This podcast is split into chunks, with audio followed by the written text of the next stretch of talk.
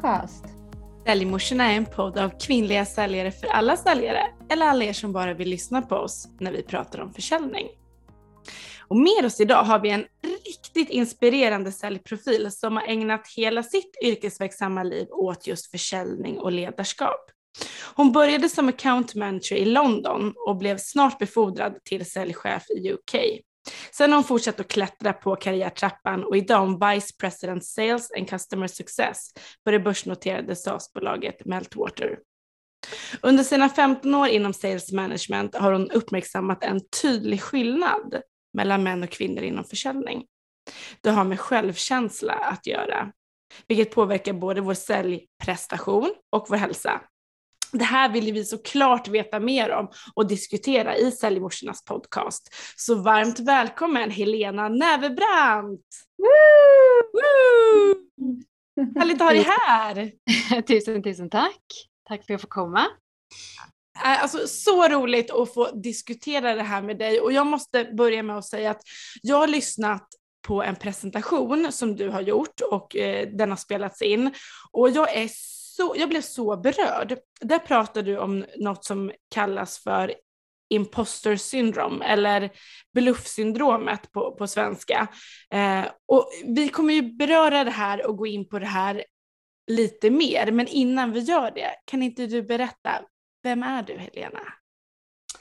Ja, just nu så njuter jag av den sista tiden som mammaledig med min dotter Klara. Jag bor i Göteborg med min sambo Filip och jobbar inom B2B SaaS som står för Software as a Service. Och de senaste ja, 14 åren har jag jobbat på ett techbolag som heter Meltwater. Vi sysslar med mediebevakning och där har jag varit med om en ja, väldigt spännande resa. Från att komma in under en ganska så aggressiv scale-up-fas ända fram till en börsnotering faktiskt 2020. Under den tiden så har jag haft olika befattningar inom sälj och kundhantering och ledarskap och fått möjligheten att bygga team både i Sverige och utomlands. Mm. Helt underbart. Och, och, du, kan inte du berätta också just hur du kom in på säljyrket? Det här fantastiska yrket. Ja, precis. Jag har egentligen alltid dragits i sälj. Det började ganska tidigt med att sälja jultidningar och majblommor och pandaförsäljning och allt vad det var. Och jag tror att grannarna och familj då köpte väl antingen för att jag tjatade eller för att de tyckte synd om mig i första hand. Men jag vann affären och det var det som var viktigt för mig. Jag var ganska tävlingsinriktad och sälj är ju kategoriskt på det sättet. Antingen så vinner du eller så förlorar du. Det finns liksom inga gråzoner och det triggade mig. Och att jag var så tävlingsinriktad kom egentligen tyvärr inte från en vilja att vinna utan mer från en ganska så extrem rädsla att misslyckas och göra fel. Eh, och jag har varit och är till viss del fortfarande en ganska sådär klassisk duktig flicka. Där rädslan att förlora är mycket större än viljan att vinna. Och det är ja, en destruktiv känsla men också en stark drivkraft. Och det gjorde i alla fall att jag ofta jobbade mycket, mycket hårdare än många andra. Och det visade sig bära frukt just i säljyrket. Så att jag fortsatte med det. Um, fick mitt första så här, riktiga säljjobb vid sidan av gymnasiet och då var det telefonförsäljning B2C. Jag sålde Göteborgs-Posten, den fysiska upplagan, prenumerationer. Och jag minns att säljchefen skrev ja, upp hur många samtal vi gjorde och hur mycket vi sålde på en stor whiteboard i mitten av rummet. Och allt var ju en tävling då. Mm. Uh, ja, min duktiga flickahjärna gick igång där kan man säga. Men jag fick den tacksamma slotten i alla fall att ringa barnfamiljer mellan 18 och 21 på kvällarna när de flesta lägger sina barn och det vet ju vi tre eh, som alla har barn att då vill man ju helst inte bli störd av en telefonförsäljare. Så att min cold calling eh, erfarenhet härdade mig ganska så mycket kan man säga. Men det var viktigt och lär, lärorikt. Um, och sen fick jag min första B2B-erfarenhet då när jag började på Meltwater 2009 efter att ha pluggat vid Lund uh, i fyra år. Um, ja, men jag hör ju när jag pratar själv varför är jag kvar i Sälj efter alla dessa år med, med tanke på min duktiga flicka personlighet. Men det har väl att göra med att jag har lyckats att vända om mycket av den negativa stressen till positiv energi istället. Um, och idag drivs jag tacksamt mycket mer av en vilja att vinna. Um, jag är liksom inte klar med duktiga flickan, hon är fortfarande kvar, men jag har lyckats kontrollera henne och vända henne till min fördel. Eh, och det är väl detta som jag hoppas på något sätt kunna hjälpa andra med. Så, så kom jag in på sälj. För jag vet ju att när du jobbade som account manager, då vet jag, och ni hade som en gemensam teambonus, då vet du ju att du bara jobbade mer och mer och mer och försökte täcka upp för, för, all, för allas prestation. Eller var det när du klev in i ledarrollen? Ja, det var väl första gången som jag fick ett ledarskapansvar. Ehm, det är ganska klassiskt det där i säljorganisationer att om man tar sin budget och visar sig vara bra på sälj så får man ofta i alla fall frågan eller liksom befordran till manager. Det betyder inte att man är bra på ledarskap bara för att man är bra på sälj. Men jag tog den rollen och tackade ja. Ehm, och det som hände då var ju att jag helt plötsligt blev ansvarig för en teambudget istället för min individuella budget. Och mitt första team var jag minns att det var två av dem var helt nya på jobbet och den tredje hade lite problem med, med, med sitt sälj. Så det blev ju stor stress för mig. Eh, och i och med att jag var så tävlingsinriktad och liksom ville gärna ta mitt mål så blev den snabbaste vägen för mig att sälja så mycket som möjligt själv. Eh, och göra jobbet för teamet. Och det är ju ett bra sätt att ta target och kvota men det är ett dåligt sätt att utveckla sitt team. Och där och då någonstans i den perioden så förstod jag att jag måste ändra min strategi för att liksom kunna skala team. Jag måste lära mig hur man gör för att, bli, för att göra andra människor eh, framgångsrika. Det är ju en, en, liksom, en konst i sig. Men, men absolut, det var en, en, väldigt stressande tidsperiod för mig den, den tiden. Men vad gjorde du då, då? Vad utvecklade du? För när jag gick in och kollade på din LinkedIn-profil så måste jag säga att jag har nog aldrig sett så många rekommendationer och lovprisningar. Och där lyfter man ju verkligen Helena ditt ledarskap. Kan, kan du försöka exemplifiera eller försöka få det konkret? Vad är det du gör som gör dig till en så bra ledare? Um, ja, jag tror att jag insåg ganska tidigt, um, om vi pratar om den här första erfarenheten jag fick som, som ledare när, när jag blev stressad över att nå min stora nya teambudget. Även om jag var väldigt stressad av det och fortfarande sådär extremt tävlingsorienterad så insåg jag också ganska tidigt jag kunde, att jag kunde använda den här nya rollen som ledare och hjälpa folk att tro på sig själva. Och på den tiden när jag fick min första ledar erfarenhet, det var 2010. Då led jag av väldigt, väldigt dålig självkänsla. Och på något sätt så drev det på mig att försöka påverka andra att liksom inte känna likadant. Um, jag vet inte var jag fick det drivet ifrån riktigt, men det är i alla fall en av de stora anledningarna till att jag är kvar. Um, och det finns många olika definitioner av ledarskap, men jag har alltid försökt att se det som liksom en relation mellan två individer. Um, det har väl avdramatiserat rollen för mig lite och försökt att fokusera på det som har effekt. För som jag nämnde innan, så för mig har ledarskap från början handlat om att hjälpa andra att tro på sig själva och se dem utvecklas så att de kan liksom maximera sin egen potential. Och jag tror jag hade tur lite för att kombinationen av liksom den duktiga flickan inom mig plus då min vilja att hjälpa andra ha, få liksom bättre självkänsla. Det har utvecklats till en ledarskapsstil som verkar ha uppskattats eh, av många. För att jag är ambitiös, jag sätter väldigt höga mål och jag förväntar mig också väldigt mycket från mitt team. Ehm, jag gillar liksom tydlighet och sådär. Är man i mitt team så finns det väldigt glasklara så här, dos and don'ts. Liksom. Vi kommer överens om ett eh, speciellt aktivitetsmål per vecka och då tar vi det. Sådär. Det, det är liksom, jag är väldigt, eh, jag har liksom nolltolerans för att man inte möter mål som vi har kommit överens om själva. Och kombination med det så försöker jag bygga liksom väldigt personliga relationer. Och jag tycker att det är mitt jobb att få, försöka få mitt team att liksom kunna vara så ärliga mot, mot, mig som, som möjligt. Och lyckas jag med det så sprider det sig ganska snabbt i organisationen.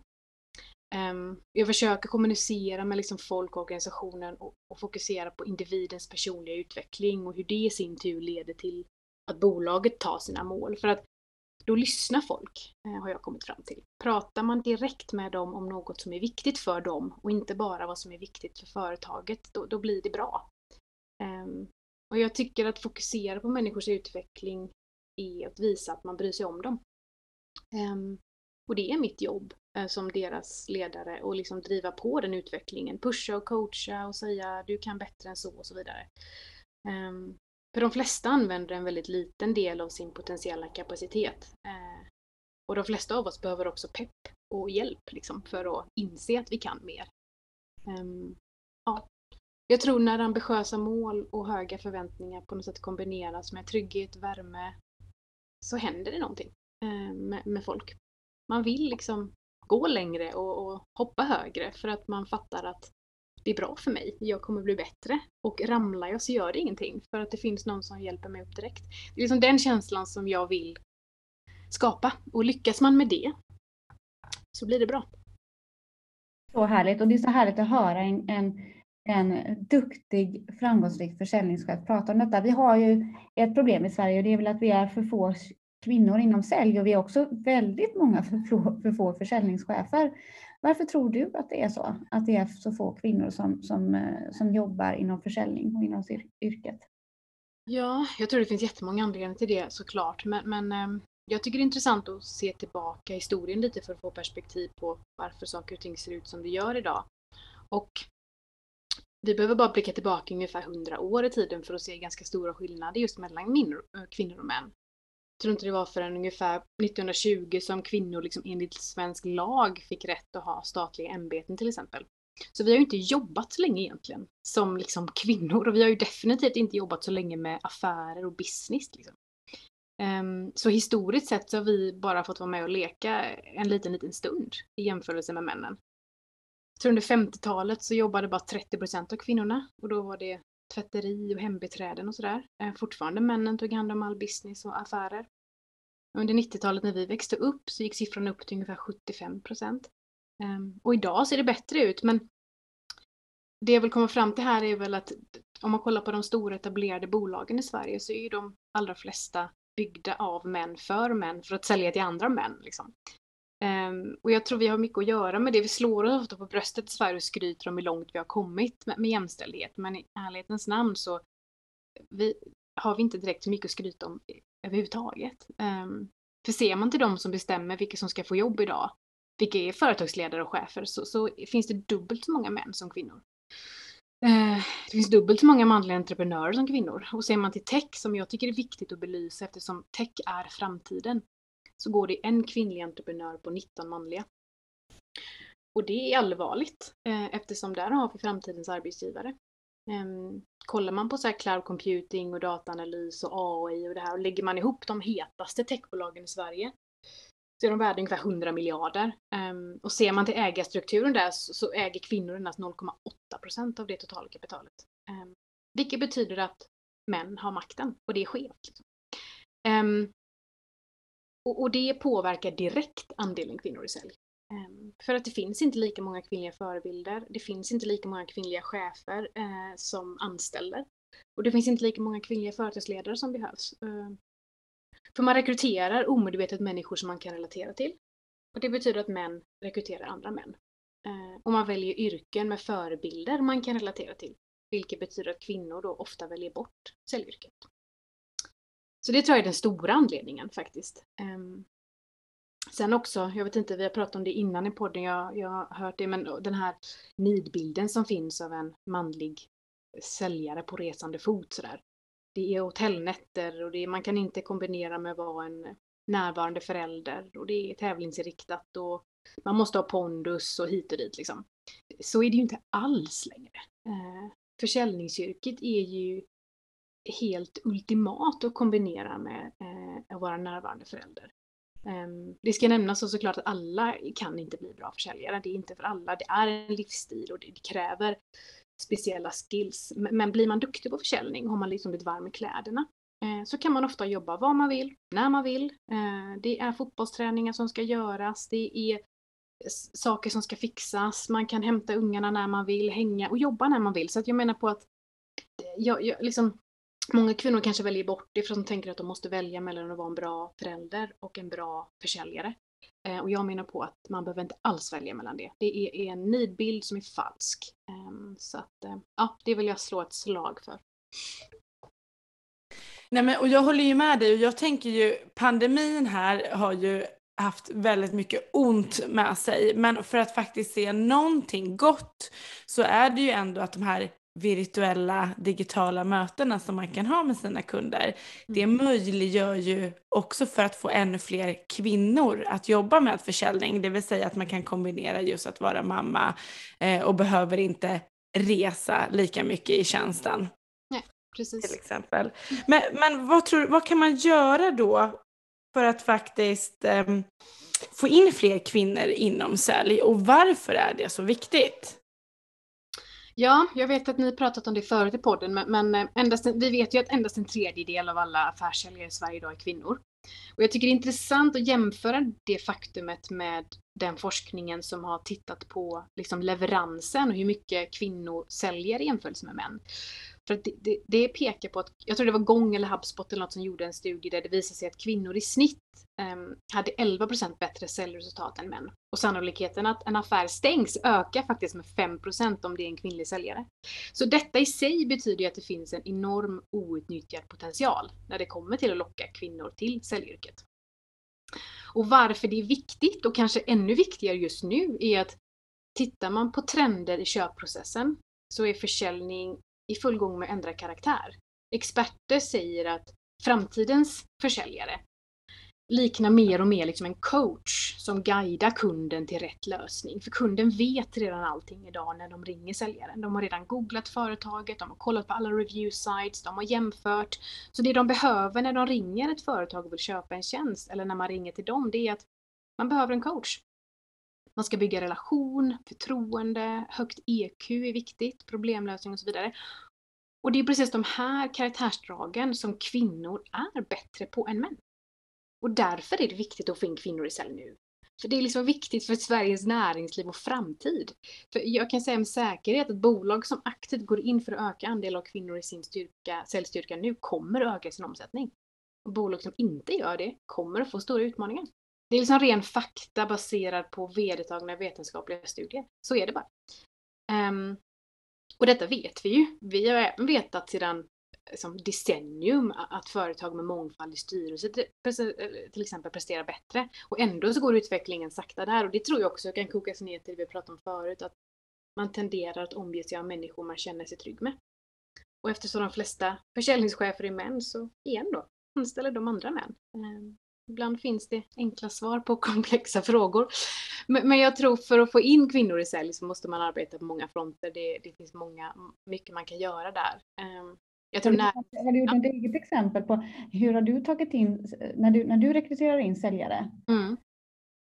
Har du tänkt någonting på kravspecen, alltså hur du jobbar för, för att searcha kandidater eller hitta lämpliga kandidater för att få så ja, men så stor dynamik i, i eh, organisationen och i säljorganisationen främst då. Eh, själv?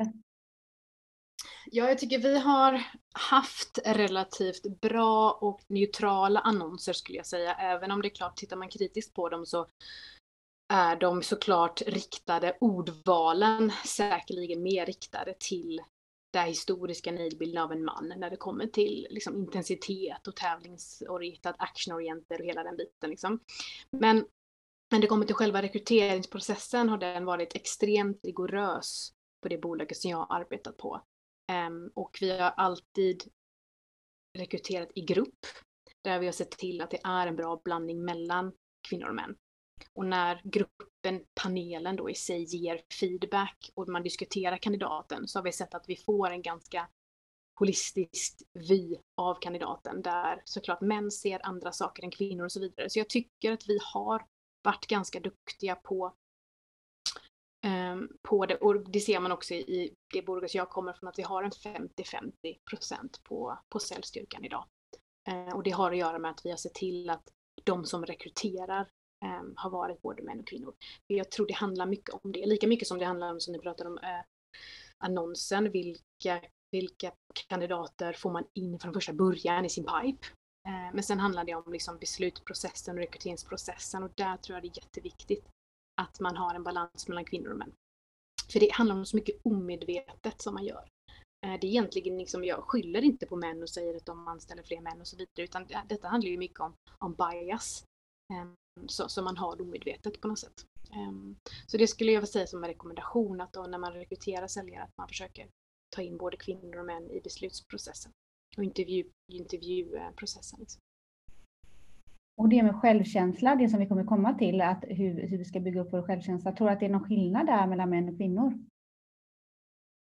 Ja, absolut. Um, lära där, där, därifrån. ja, men Jag skulle säga att jag har noterat ganska många tendenser till olikheter. Eh, det är såklart generaliseringar byggda på min erfarenhet, men jag skulle säga överlag så är män mer riskbenägna än kvinnor. Um, och, och, de är tryggare i sig själva och de fokuserar ofta mer på sin potential. Um, skulle kvinnor i regel vill helst vara 150% säkra på sin sak innan de söker en ny roll till exempel eller tar sig an ett nytt projekt. Medan de männen som jag har arbetat med i större utsträckning tänker att så här, äh, jag tar chansen och jag lär mig på jobbet. Och det betyder att kvinnor liksom gått miste om ganska många möjligheter på grund av att de inte har räckt upp handen. Liksom. Det är en stor skillnad jag har sett. Um, en annan skillnad är när det kommer till självkänsla också att män kopplar inte sin identitet lika starkt till, till deras resultat som kvinnor gör, prestationen. Så kvinnor är ofta sin prestation på ett annat sätt. När, jag, när mina kvinnliga säljare liksom missar budget till exempel så tenderar de att säga jag misslyckades, jag tog inte budget, jag är inte bra. Medan männen uttrycker sig annorlunda. De, de är liksom bättre på att distansera sig från, från, från sina handlingar. De, de säger mer, mina resultat var inte bra. Och det är en jätteskillnad de respekterar sig själva bättre tycker jag. Eh, de männen jag arbetat med i alla fall. Och de är mer förlåtande mot sig själva. De är liksom okej med att göra misstag. De reser sig upp, de går vidare. Medan normen för en kvinna är mycket mer den duktiga flickan och misstag är inte bra. Um, så. Sen har jag även sett... Om liksom det som är så himla intressant, hur du har gjort för att lyckas bygga upp din självkänsla inför olika, eh, när du har axlat både säljchefsrollen, eh, som är ju i mångt och mycket en väldigt svår roll, att mm. motivera hela sin säljorganisation att lyckas nå sina mål, eh, men också dig personligen som säljare. Och där tror jag att vi har jättemycket att lära oss och vi har också att lära oss av vår av våra fantastiska liksom, säljkollegor som är män. Eh, precis som du är inne på. Just att hur, hur, hur, kan vi snäppa upp oss en smula där kopplat till självkänsla? För jag tror många känner igen sig och mm. Lena och jag har ju båda, fått, båda två fått erfara det när, det, när, när självkänslan liksom brister. Kanske mm. inför ett kundbesök eller inför en presentation internt eller mm. vad det än må vara när man ska förbereda sig inför ett kundmöte. Mm. Nej, jag skulle säga Först då med självkänsla så menar jag att liksom acceptera sig själv och tro på sig själv. Det, det finns väl många definitioner av självkänsla också. Men det handlar väl om så här, bedöma sig själv som kompetent eller inte. Och jag skulle säga det började med i alla fall, eh, jag hade en väldigt, väldigt stark känsla av att jag, jag kände mig som en bluff. Ehm, jag kände mig jag var liksom rädd för sådär, när ska någon komma på att jag inte är så bra som jag är? Um, och den känslan ökade ju bättre jag blev. Så, så ju, ju, ju, bättre jag sålde till exempel, desto mer ökade känslan av att jag hade tur e, eller att jag bara var en bluff. För jag fick ju mer beröm. Vad duktig du var Helena, vad bra det gick. Eller hur gjorde du när du stängde den bilen? Eller ja, vad bra det gick för ditt team. Eller, så det, liksom, det, var, det var en väldigt negativ process och jag började läsa på om detta det finns ett syndrom som är myntat av två amerikanska psykologer som heter impostor syndrome. Och det kallas för bluffsyndromet på svenska. Och det drabbar både män och kvinnor, men oftast kvinnor. Eh, och det innebär just att man känner sig som en bluff. Och man oroar sig hela tiden för att chefer och kollegor kommer att inse att man inte alls kan det jobb som man gör. Eh, allting som är bra är på grund av tur.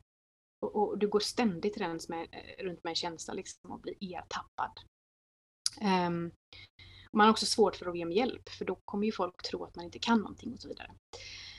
Um, och prestationerna gör såklart som jag sa att man stiger i graderna. Ju mer ansvar man får, ju mer tror man sig att på något sätt man har tagit vatten över öronen. Och detta är en väldigt reell känsla. Eh, den är jättestark, ingen vet varför man får den. Det är ingen mental störning eller sådär, men det är mer en reaktion på vissa situationer. Ehm, och de som går runt och känner sig så här ehm, riskerar ju att utveckla oro, stress och framförallt eh, dåligt självförtroende. Och jag tror att, eller jag vet, att man kan förändra detta eftersom man gjort det själv. Så att, eh, det, det, är väl det första jag vill säga. Man föds ju inte med låg självkänsla utan man lär sig det över tid och någonting som man har lärt sig kan man ju också förändra. Um, jag tycker det första som, eller det jag gjorde i alla fall, liksom hjälpt mig jättemycket um, i att uh, försöka bli bättre på att fokusera på det man faktiskt kan påverka. Spendera mindre tid på sånt man inte kan göra någonting åt. Um, det är lättare sagt än gjort. Men, men alla som har låg självkänsla och lider av det här bluffsyndromet har en sak gemensamt. Och det är att de spenderar alldeles för mycket tankekraft på att gräma sig över det som har hänt. Och, och alldeles för mycket tankekraft på att oroa sig för det som inte har hänt ännu. Och det, det resulterar ju att de spenderar väldigt lite tid på det som händer idag. Vilket är det vi egentligen kan påverka. Um, och det tar tid att ändra detta såklart. Och ett sätt att bli bättre på att kontrollera sina tankar är att träna mindfulness. Och, och detta har fått en liten mumbo jumbo-stämpel eh, olyckligtvis. Många tror att det handlar om så spirituella ritualer. Men mindfulness är ett vetenskapligt beprövat verktyg för att träna hjärnan och ta kontroll över sina tankar. Och på så vis kontrollera sina känslor. Så de som är bra på mindfulness, de kan styra hur mycket energi de vill allokera till det som händer nu. Eh, versus dåtiden eller framtiden. Och man blir här mer, mer effektiv. Punkt slut liksom. Um, och, det är såklart ingenting man så prövar en gång eh, och ser om det funkar, utan det är en muskel i hjärnan som måste tränas upp eh, på samma sätt som man måste träna andra muskler. Så man sätter sig ner och mediterar. Tanken är inte att man ska sitta och chilla i 30 minuter, utan meditationen i sig är som att gå till gymmet. Det är träningspass. Du sätter dig ner, du börjar fokusera på din andning. Um, direkt så kommer ju tankar såklart. Vad ska jag äta till middag? Jag har ont i knät. Jag borde köra en tvätt nu, hit och dit. Och varje gång en sån tanke kommer så ska du träna på att acceptera den och sen återgå till att fokusera på din andning. Och varje gång du gör det så är det som en rep på gymmet eller en joggingtur. Så på samma sätt som din bicep växer med varje gymsession så förbättras din hjärna med varje gång som du slår bort en tanke. Eh, och det gör att efter bara några veckor så kommer du bli mer eh, eh, liksom närvarande i det du gör. Eftersom din hjärna automatiskt tränar på att slå bort saker som du inte kan göra någonting åt. Det är liksom så det funkar. Eh, och det finns jättemånga såklart framgångsrika förespråkare av denna, av denna metod. Men eh, man blir bättre på sälj just för den enkla anledningen att man blir mer effektiv. Liksom. Men det här är så sjukt det du beskriver Helena för att jag har ju hela tiden insett att jag drivs av en rädsla för att misslyckas och jag har hela tiden känt att när det går bra, ja men då tänker jag så här, tur igen. Ja, ja, ja, det, det är ingen som har kommit på mig. Jag, jag hade tur och det, jag stängde ytterligare en affär. Och sen när det går, om jag tappar en affär, då kan ju jag verkligen gräva ner mig i det och börja analysera vad var det jag gjorde eller vad var det jag inte gjorde för att tappa den där affären. Jag har ju också insett då att jag har fått börja gå tillbaka och kolla på mina resultat och jobbat jättemycket med mig själv för att faktiskt tala om för mig själv att nej men det, det är inte tur Helena utan du, dina siffror visar ju på att du kan omöjligt ha så här mycket tur utan det är ju någonting du gör som ligger till grund för det här resultatet. Så jag har ju jobbat jättemycket med mig själv men när du beskriver det här då, då inser jag ju att det faktiskt ja, men finns en etikett eller liksom det, det, finns någonting mer som förklarar varför jag har känt som, som jag har gjort och varför jag måste överförbereda mig inför mina kundmöten och förbereda vad kan jag få för invändningar, för, för motargument. Så jag försöker ju förutse allting. Mm. Så så skönt är... att höra dig berätta det här. Jag skulle säga att du är ett klockrekt exempel på någon som lider av imposter syndrom. Och som du säger, att, så här, jag tycker det är intressant det du tar upp, för det är ju kan man vända detta så är ju individen med imposter syndrom väldigt starka. För som du säger, att du förbereder dig, mest av alla säkert. Eh, innan mötet så har du redan tänkt ut alla möjliga invändningar och då har du redan tänkt ut svar på dem. Vilket betyder att du säkert allra oftast ex exekutar på ett möte väldigt, väldigt framgångsrikt. Så kan du då på något sätt bli medveten om varför du tänker som du gör inse att tanken inte är verklighetsförankrad. Eh, utan du vet att det här handlar om ett psykologiskt state som, som gör att du känner att du är en bluff fast du inte är det. Kan du liksom bara inse och acceptera och förstå vad som händer så kan ju detta bli en enorm drivkraft. Och det är dit jag vill komma på något sätt. Jag vill att folk som känner så här ska liksom vända det till ett hopp och, och tänka att så här, okej, okay, jag känner så nu. Det här är väldigt träffsäkert och det, jag lider av det. Men det finns taktiker och möjligheter för mig att vända om detta och göra det till en drivkraft. Jag kan bli ännu bättre på det jag gör. Och det som du säger, som du arbetar med, att dokumentera till exempel, är jätteviktigt. Det är ett sånt väldigt konkret tips. Man öppnar ett dokument, man dokumenterar alla sina framgångar. som man sen kan använda när man löneförhandlar eller söker nytt jobb, till exempel framgångsdokument till exempel. Jag önskar att jag gjorde detta mycket tidigare i min karriär, för man glömmer så snabbt allt bra man gör, men man kommer ihåg allt dåligt man gör. Och det är ett bra sätt också att läsa det dokumentet och liksom separera då känslor från fakta. Um, för trots att man vinner affärer och sådär och kommer på en massa smarta idéer så tror man ju då, nej men jag hade tur den gången också. Uh, men sen har man ett dokument som liksom man uppdaterar varje månad, till slut blir det ju väldigt stort. Uh, och, och, då börjar man liksom över tid inse sådär, nej men det kanske är ett mönster. Jag kanske är kompetent, liksom. jag kanske är duktig på, på att utföra mina möten och jag är duktig på, på att göra behovsanalys och jag börjar kunna detta. Liksom. Eh, så det är ett jättebra eh, konkret verktyg som man kan arbeta för att övertyga sig själv om att man inte är en bluff. Ja, för jag vill verkligen tillägga det att jag känner ju att det här är min superkraft faktiskt. Så det, det är liksom inte synd om mig på något sätt, men, men, men det som du beskriver att man, man måste bli medveten om det och sen hitta olika metoder för att arbeta, arbeta med det och de mm. egenskaper som, som man uppenbarligen ja, som man har. Mm. Jag vill bara veta ännu fler tips. Alltså mindfulness tycker jag den är superbra. Jag, jag håller ju på själv ganska mycket med yoga och, och, och, precis som du säger att man har tankar som först när man kommer dit på ett pass som sen då man liksom accepterar och släpper. Eh, mm. Sen har du det här med att dokumentera framgångar, superbra. Eh, exempel på hur, hur man kan jobba med sin självkänsla. Finns det några fler tips? Ja, eh, det finns det. Finns lite, det finns lite mindre så tankeövningar som man kan göra till exempel om man, om man om man tvivlar på sig själv innan man ska gå in i ett möte eller om man står framför en konflikt eller tänker någonting som liksom som stör. Då kan man tänka något som heter 10-10-10-regeln. Um, ehm, och, och, det går ut på ungefär att man går igenom ett tankeexperiment. Så här, hur kommer detta påverka mig om 10 minuter, om 10 månader, om 10 år? Och, och summan, summa summarum där handlar egentligen om att man ska avdramatisera något som känns som ett hot. Eh, men som egentligen inte är ett hot. Eh, och med den tankeövningen så kan man liksom lura kroppen igen och leda om tankarna och säga så det här är nog ingenting som jag behöver oroa mig för nu. Och så går man liksom vidare. Um, 10, 10, 10. 10, 10, 10, jajamensan. Um, ett annat tips som jag skulle slå ett slag för är att liksom investera några tusen lappar på, på att gå och träffa en professionell coach. Um, kolla hur mycket pengar du lägger liksom på träning och massage och spa och restauranger och sådär. Och så, så budgeterar du om lite och så lägger du några tusen lappar på, på att få en expert som hjälper dig att eh, inse dina styrkor till exempel. Bli en bättre talare eller liksom paketera ditt varumärke.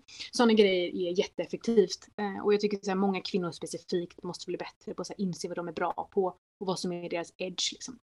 Eh, och det, det kan man lägga pengar på med gott samvete. Eh, vad finns det mer? Jag tycker att man försök, ska försöka lära sig tänka på det här med prestationstänket. Det är en jätteviktig del såklart. Istället för att liksom endast fokusera på om jag vann affären eller inte så bör man liksom träna på och fokusera på utvecklingen istället. Vad kan jag göra för att hela tiden bli bättre?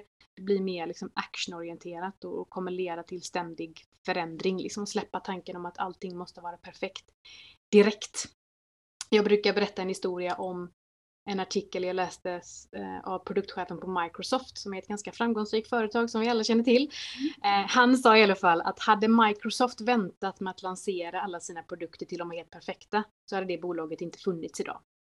Ehm, så att man måste liksom släppa tanken med perfektion för man, man, man hinner inte tyvärr och det finns, ingen, eh, det finns ingen möjlighet att göra allting perfekt. Ehm, så att den, den tanken får man, får man släppa. Kan man göra mer?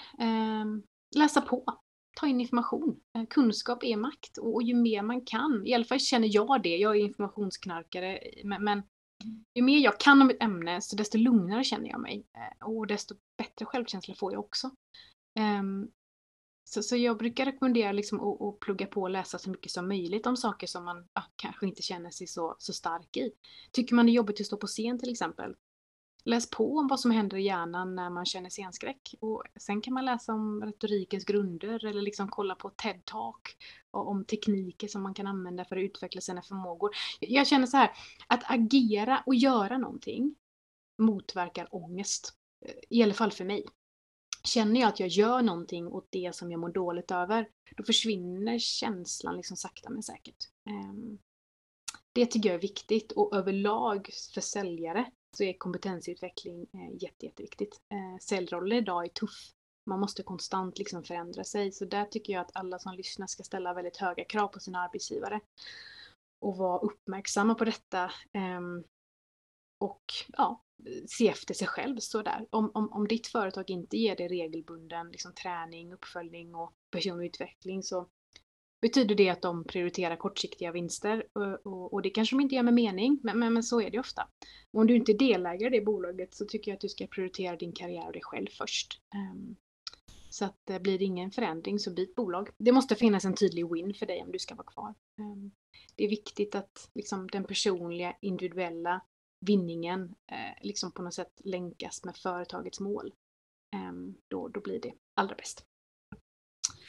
Du fattar Helena varför du är en sån otroligt uppskattad och bra ledare. Allt, allt du berättar, liksom, man förstår att du ser individen, i, i, alltså människan i varje person i ditt team. Jag tycker det, det är fantastiskt och bara det här du också beskriver att, en, att män har en tendens generellt att hantera framgång bättre för, för man, man, gärna slår sig själv på bröstet. Eh, män har också en tendens att hantera motgång bättre för att då, ja, man skakar av sig det, borstar av det eh, och så går man vidare. Mm. Men bara att du har de glasögonen på dig när du ser hur ditt team eh, agerar, samverkar, hur man hjälper varandra. Det gör ju också att du, du har en helt annan nyanserad och mer klarsynt bild. Och som sagt att att du kan se då personerna som kanske kämpar lite med sin självkänsla, att det betyder inte att de är sämre i sin säljroll, kanske snarare tvärtom. Men att du ser individen i varje fall. Jag, eh, man vill ju ha en ledare som dig Helena, wow! Ja, men tack så jättemycket. Jag, jag tror, när det kommer till ledarskap inom sälj så tror jag att det, det kanske man måste liksom fokusera både på den kvantitativa och kvalitativa delen och det är ju någonting som jag har lärt mig över tid. Liksom. Det är absolut ingenting som jag kunde från början och det, det handlar väl också om att ledare måste utvecklas inom säljyrket. Um, jag tänker att ofta i många organisationer så tror jag att man blir, liksom, man blir befordrad för att man var bra på sälj. Och, och sen så lämnas man på något sätt där. Uh, så, du, du, det går säkert jättebra, du var jättebra på sälj, nu ska du ta hand om det här teamet. Men det är liksom en helt annan roll. Um, jag tycker väl överlag att, att man, om, man ska, om, man ska, om man ska lyfta en ny säljare så måste man också titta på andra kvaliteter. Um, och, och jag, jag, jag, brukar försöka se till att liksom, nummer ett, det kvantitativa jobbet är jätteviktigt inom sälj när man är coach. Man måste vara jättedatadriven till exempel så man ser saker snabbt. Um, om något sticker ut till exempel om någon loggar mindre möten eller behöver fler möten än vanligt för att stänga en affär till exempel, så, så gäller det att vara väldigt snabb på bollen där och ta tag i det direkt. Oftast då är det bara en dålig vecka, eh, så oftast. Men det kan också vara någonting annat, motivation eller något personligt eller sådär och då är det viktigt att ta tag i det och erbjuda stöd. Jag tror där är magin. I alla fall känner jag att det är där förtroende skapas. När man bryr sig på riktigt jag, jag, liksom, jag ringer inte dig för att kolla liksom, för att snacka om varför du har gjort mindre möten den här månaden utan vi kan väl snacka om vad är det som händer, varför liksom. Och, och, och det är då man liksom skapar, det är då man liksom når individen för det finns ju alltid någonting bakom. Um, alla... Tycker du man ska träffa sina säljare i sitt team? Om man, alltså, hur, hur många säljare har du till exempel? Ja, men det är lite olika. Just nu totalt så är det närmare 80 i organisationen, men alla leder ju inte jag själv, utan jag har ju liksom lager av managers under mig så att säga. Eh, men när det kommer till individuella säljare och deras sales coach så, så är det dagliga, dagliga samtal. Sen så får man ha en struktur där man kanske kommer överens om att varje måndag så går vi igenom din pipe. Eh, och då har man liksom ett eh, väldigt sam samarbetsfokuserat samtal där man diskuterar processerna liksom back and forth och man ger varandra, ja, man försöker hjälpa och coacha så mycket som möjligt. Det är vissa liksom cadence man får ha på varje dag så gör vi detta, varje vecka gör vi detta, varje månad gör vi detta, varje kvartal gör vi detta liksom. Och då är det en, mix mellan kvantitativa eh, samtal och även kvalitativa samtal där man bara pratar om långsiktiga mål och känslor och vad som är viktigt för individen och ja, vilka karaktärsdrag man vill utveckla och så vidare. Liksom. Mm. Men för jag tror Helena att när vi hade lite försnack här så, så nämnde du någonting liksom, hur man coachar individer och att man kanske också ska fokusera mer tid på det som säljaren gör som faktiskt är en styrka och det man gör bra än att kanske lägga ännu mer krut på vad man gör som är mindre bra. Mm. Det är eh, definitivt sant och som jag liksom har lärt mig av under tiden på något sätt. Jag, jag är ju alltid då som igen om man går tillbaka till min duktiga flicka-natur, mitt liksom enda fokus har ju varit så här på vad jag inte kan. Det, det, och, och försöka liksom bli, bli bra på det. Jag har aldrig brytt mig om det jag redan kan för, för min karaktär och det har liksom aldrig varit någonting som har varit viktigt för mig. Men, ehm, och, och det fokuserade jag väldigt mycket på i början när jag blev coach. Så jag har väl en ganska tyd, ett tydligt exempel. Jag hade en säljare som var riktigt bra på behovsanalys. Eh, men hon kunde inte stänga affärer. Ehm, så hon closade inte så många dealar. Men hon älskade verkligen det här att utforska problemet med kunden och så. Det var hennes grej. Så i början då så ja, rekommenderar jag till henne att nu lägger vi allt vårt fokus på att försöka lära dig stänga affärer. Du måste bli bättre på liksom, den sista delen av, av försäljningsprocessen, men det gav inget resultat. Um, så bytte vi strategi och då fokuserade vi istället på att hon skulle bli ännu bättre på det hon redan var bra på. Så att hon blev, hon blir liksom en expert på behovsanalys. Det fanns liksom ingen i bolaget som var bättre än henne på att göra behovsanalys. Hon tyckte ju det var kul, så hon hade ju naturlig fallenhet för det. Hon tog av sig, hon tog bort sig av feedback och sådär på ett annat sätt. Och hon hade roligt. Liksom. Det blev positivt. Och eftersom hon startade sina processer så pass bra så blev liksom själva avslutet ett icke-event. Så att affärerna stängdes nästan av sig själva. Så jag tycker det lärde mig jättemycket och förändrade liksom min bild på hur man coachar. Eh, för, för att allt för många säljare spenderar allt för mycket tid på saker de aldrig kommer bli bra på. Eh, för vi är bra på olika saker, så är det bara. Och jag vet inte varför vi är det, men det handlar väl om att på något sätt man har fallenhet för något. Man tycker något är roligt och då blir man bra på det. Ehm, och det är också kopplat till självkänsla. Ju mer man liksom fokar på det man redan kan, eh, desto, desto bättre självkänsla får man. Så det är väl ett tips, ehm, kanske. Superbra. Alltså du, du ger så mycket härliga tips och det blir så konkret så jag tror att våra lyssnare är extremt tacksamma eh, att du har gästat oss här idag. Eh, vi vill tacka dig framförallt Helena som har kommit hit och gästat Säljmorsorna podcast. Vi vill tacka er som lyssnar och vi vill tacka eh, för den här sittningen som jag känner personligen att jag har fått en egen personlig coach. Jag vet inte hur du känner Helena, men jag är helt så här. Jag, bara, jag, jag sitter liksom bakåtlutad och bara så här njuter av. Jag är helt uppfylld, så tack snälla Helena. Och ni andra, ha en fantastisk dag. Fortsätt följa oss på Instagram, LinkedIn och Facebook. Eh, vi finns ju där poddar finns och Helena, du är så välkommen att gästa oss igen. Stort tack för att du kom hit idag. Tack så hjärtligt. Hej då!